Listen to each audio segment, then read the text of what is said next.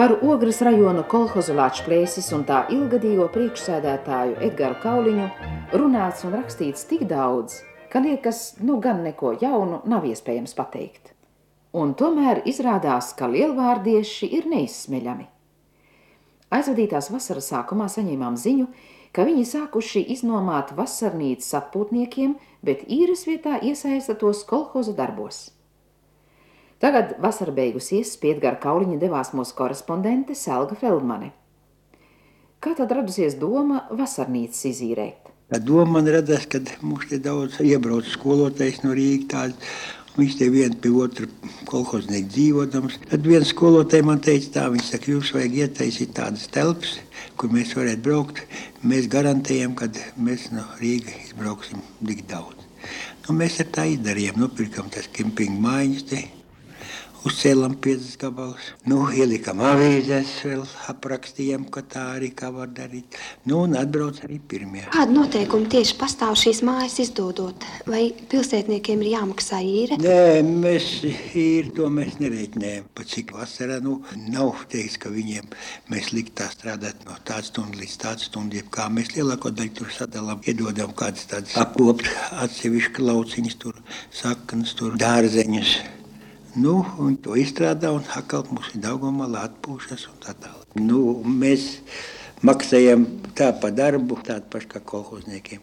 Tad, kad viņi iet prom, tad mēs pierēķinām 20% klāt. Tāpēc, ka kolhozniekiem nāk visāds papildus samaksas un tā, bet pat cik te nav nobeidzies gads, tos nevar nekā mēs tā aprēķināt tā klāt. Un vēl pa brīvu arī dodam tās mājiņas, jo tu jau, nu, tu tur, tur iekšā tādas mēbelis, tur kāds deķis paredzēts ir tāda klāt dušu telpu, bet, nu, nākošais gads tas būs ierīkots, kur var katru vakaru kārtīgi nomazgaties. Interesanti būtu zināt, vai gadījās šovasar arī tādi, kuri dzīvoja vasarnīcās un negāja strādāt. Nē, nē.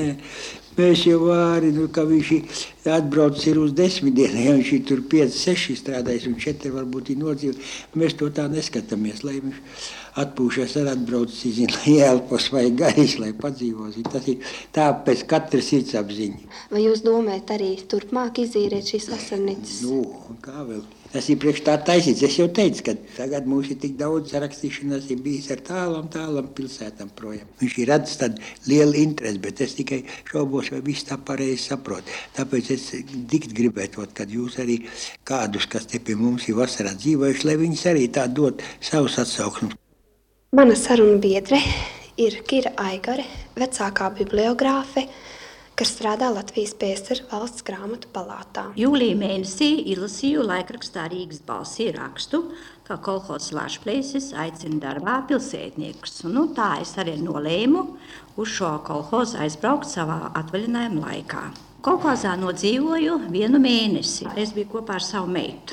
Man bija vēlēšanās iepazīties ar mūsu republikas ievērojamākā kolhoza dzīvi, viņa darbu. Man bija tāda vēlēšanās iepazīties ar eh, mūsu republikas vienu no skaistākajām geogrāfiskajām vietām. Tas ir konkrēti ar Daugavas krastiem. Tur es savā mūžā nekad vēl tā nebiju bijusi. Kira Aigare ļoti apmierināta ar visu, ko viņas atpūtai devusi vasara kolhozā Lāčplēsis. Katrā ziņā arī nākošajā gadā viņi grib savu atvaļinājumu pavadīt tāpat. Tikai, un tas laikam būs pārsteigums pat Edgaram Kauliņam, viņa labprāt vēlētos aizbraukt pastrādāt kādā citā saimniecībā, lai tā labāk iepazītu republiku, lai redzētu dažādas vietas.